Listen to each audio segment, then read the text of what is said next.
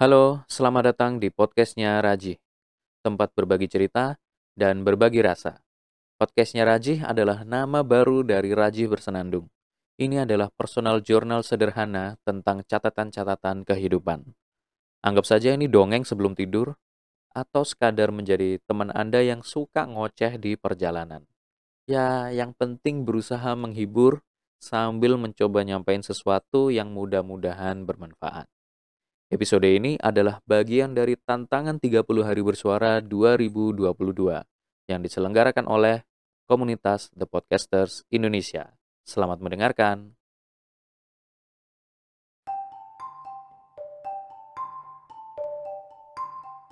Halo para pendengar. Mungkin Anda pernah mendengar istilah demonstrasi ya atau demo. Demo masa. Bukan, demo yang saya maksud ini adalah demonstrasi yang dilakukan oleh mahasiswa mungkin atau kelompok masyarakat yang lain seperti mungkin demo petani, demo buruh, demo pegawai salah satu perusahaan, misalkan menentang atasan yang memberikan gaji tidak sesuai dengan ritme kerja, jam kerja, dan lain-lain. Anda pasti sering dengar soal itu. Nah, tahu nggak? Kita juga bisa menyebut demonstrasi atau demo dengan istilah aksi massa. Artinya aksi yang dilakukan oleh orang banyak. Gerakan kolektif yang satu ini itu biasanya dalam hal protes. Dilakukan bareng-bareng di jalan, bisa juga di depan sebuah gedung yang merepresentasikan protes mereka atau langsung menuju ke gedung tempat e, mereka ingin melayangkan protes itu. Misalkan, yang pernah saya ikuti dulu adalah aksi massa untuk memperingati Hari Pendidikan Nasional. Juga kebetulan kan di satu hari sebelumnya, Hardiknas itu kan tanggal 2 ya, 2 Mei. Tanggal 1 Mei itu ada Hari Buruh Internasional. Yang ini tentu berkaitan dengan buruh, maka sekalian langsung banyak hal yang dituntut uh, untuk disampaikan kepada pemerintah, khususnya waktu itu pemerintah Kota Malang ya. Yang dituntut tentu yang berkaitan dengan hal buruh dan juga pendidikan. Kondisi pendidikan di Indonesia yang mungkin pembiayaan yang terus naik dan lain-lain. Lalu yang untuk buruh adalah hak-hak buruh yang belum tersampaikan, belum juga terpenuhi.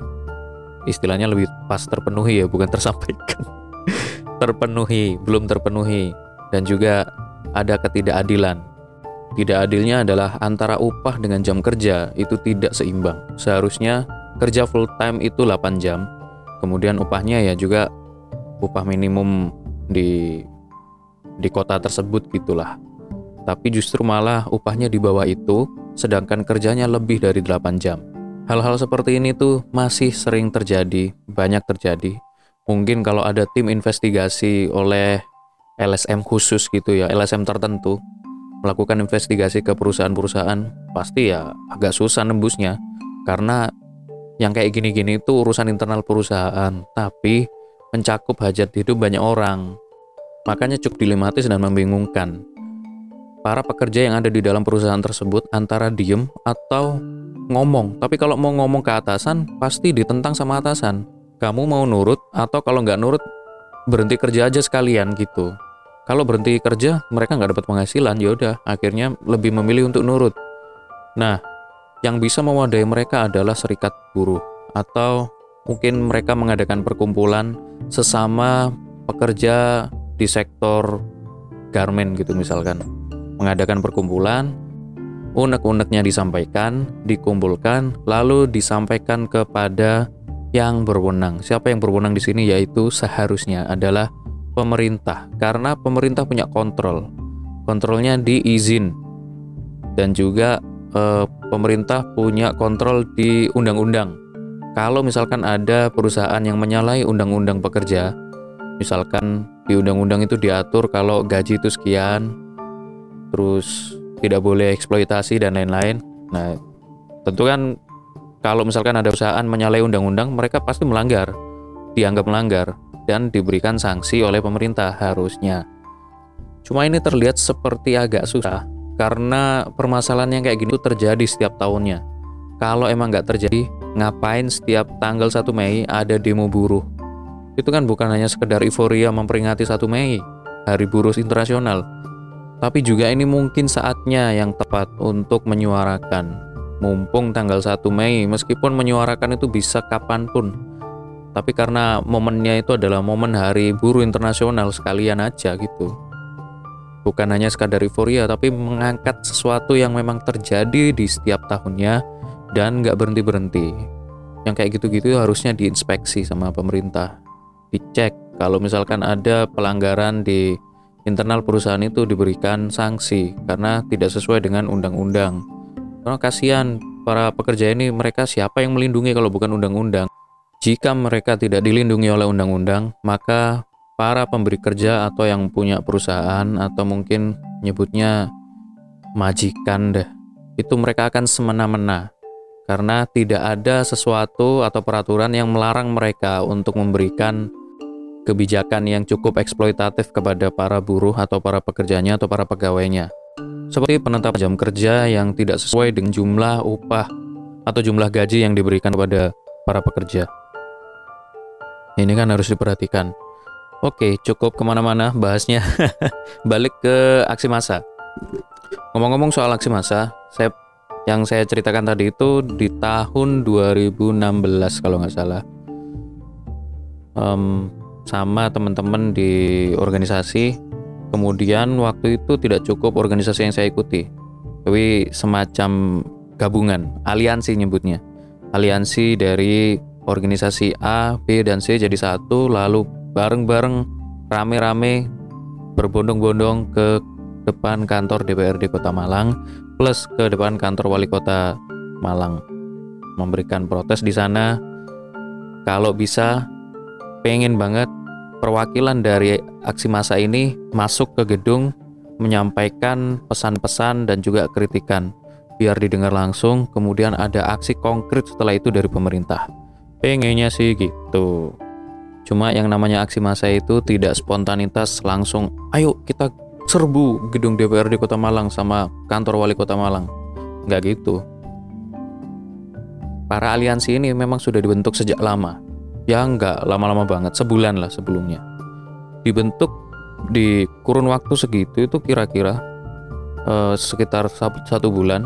Dibentuknya dalam tujuan agar melakukan kajian terlebih dahulu tabulasi permasalahannya apa saja kalau sudah paham permasalahannya apa aja maka nanti ketika aksi massa pesan-pesan yang dibawakan itu jelas biar nanti tidak ada penyusup yang tiba-tiba merubah pesan itu kemudian kita terpengaruh.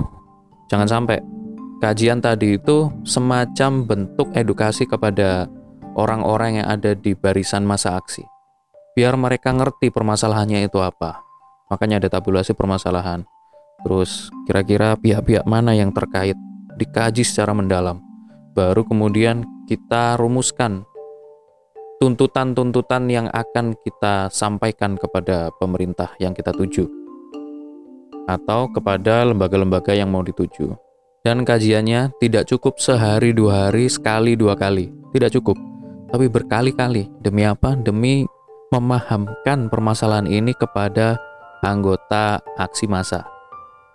Dan juga sebelum aksi massa, ditentukan juga petugas-petugasnya dan setiap aliansi juga memastikan orang-orangnya itu ada berapa. Karena dikhawatirkan nanti akan ada chaos, atau mungkin anggota aksi masanya hilang.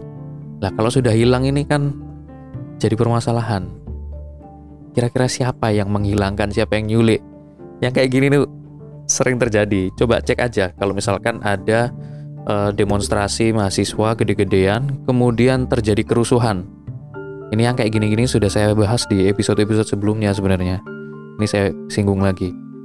Kalau terjadi kerusuhan di demonstrasi, itu pasti ulah provokator. Provokatornya bukan dari internal barisan aksi massa, tapi orang lain tiba-tiba nyusup. Mereka berperan seakan-akan sebagai mahasiswa, kemudian merusak fasilitas umum, membakar, lalu mungkin ngomong kotor dan lain-lain. Maka memang harus hati-hati barisan aksi massa itu. Harus ditentukan jumlah kita dari aliansi A itu ada berapa organisasi, setiap organisasi menghitung orangnya ada berapa Makanya aksi massa itu benar-benar nggak sembarangan. Benar-benar harus dipikirkan, di manage dengan baik.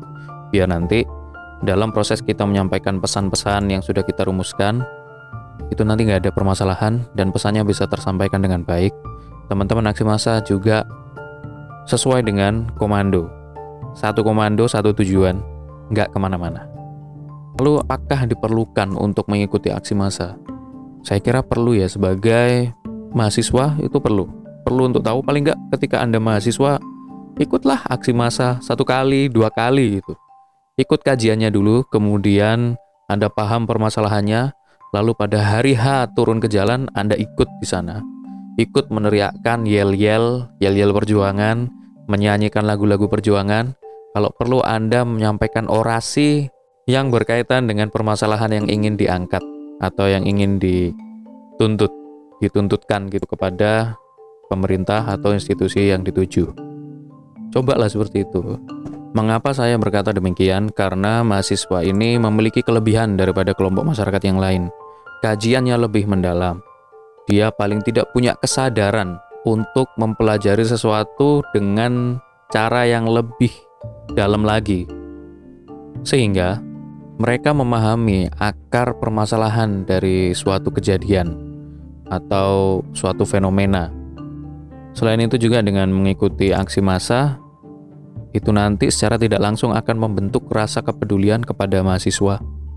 Aksi memang bisa beragam, bisa bakti sosial, bisa langsung turun ke lapangan, ke desa-desa, mengajar di sana, bikin sekolah untuk paling tidak calistung, baca tulis menghitung kepada anak-anak di sebuah perkampungan yang sangat minim sumber daya manusianya untuk bisa membaca apa pun bentuknya, tapi aksi massa ini adalah salah satu cara yang menarik untuk dicoba.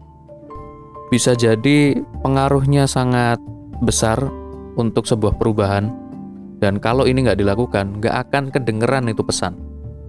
Makanya dengan adanya aksi massa ini, pertama bisa menarik perhatian kepada pihak-pihak tertentu Lalu secara tidak langsung memberikan edukasi ke masyarakat kalau ini tuh masalah penting.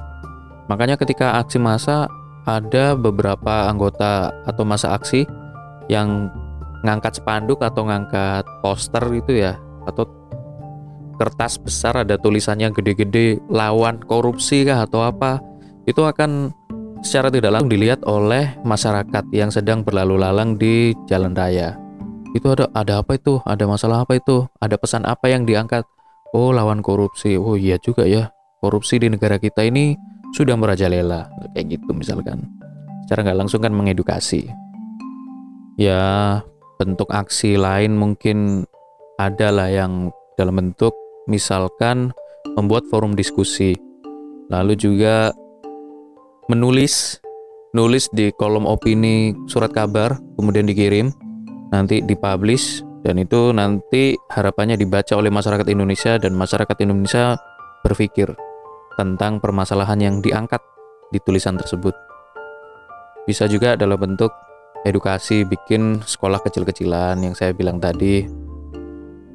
Ada juga gerakan bikin edukasi sederhana tapi di tempat umum kalau nggak salah ya dosen pembimbing saya itu pernah bilang di Taman Bungkul itu ada sekelompok mahasiswa atau sekelompok pemuda yang bikin stand di sana disediakan susu gratis kemudian kalau nggak salah ada perpustakaannya apa ya?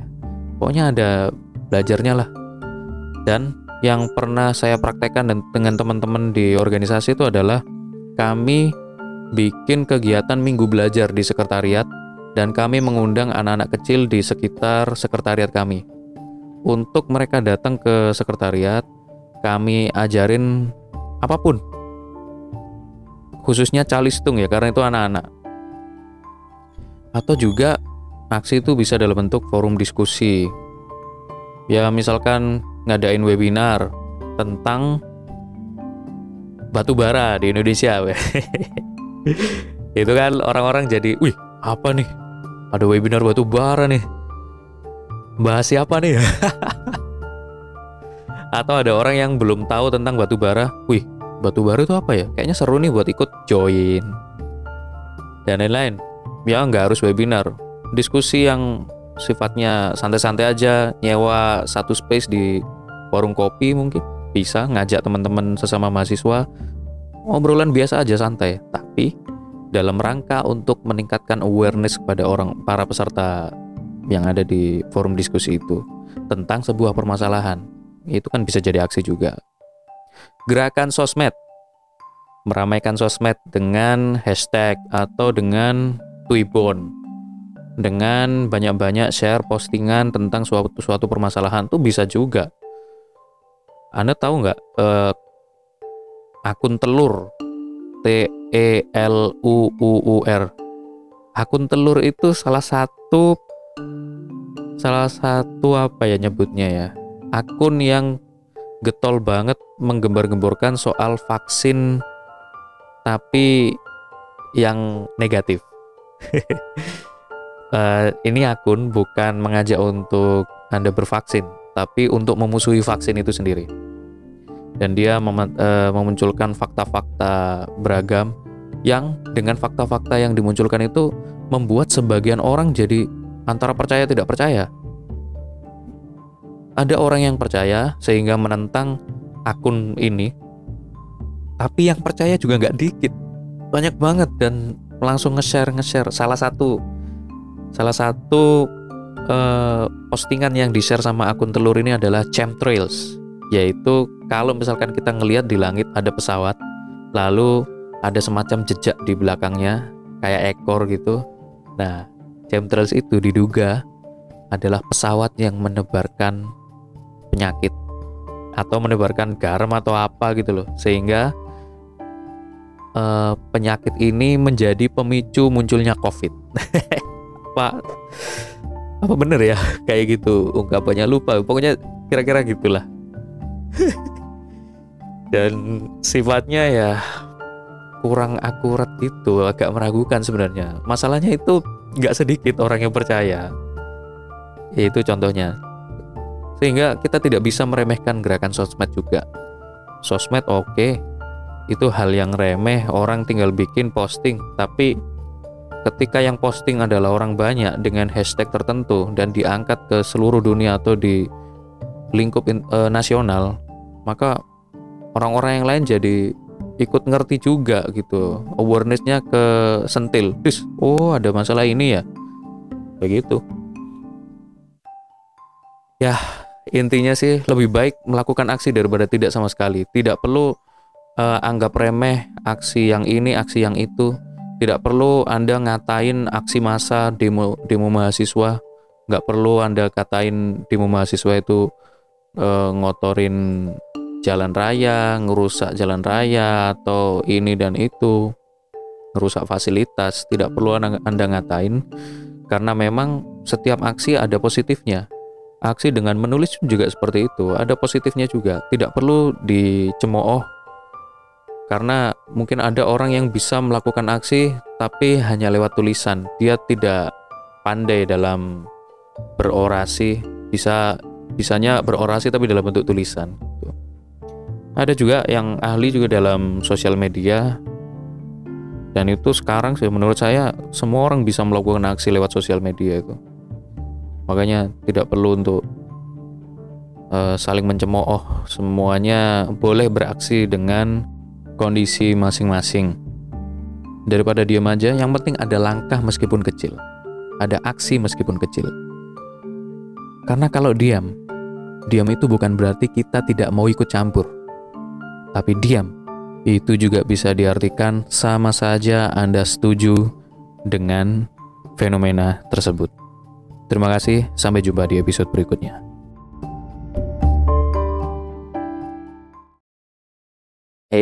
sebelum Anda ke episode selanjutnya, atau mungkin Anda ingin pindah dengerin podcast lain, ada sedikit pemberitahuan ini.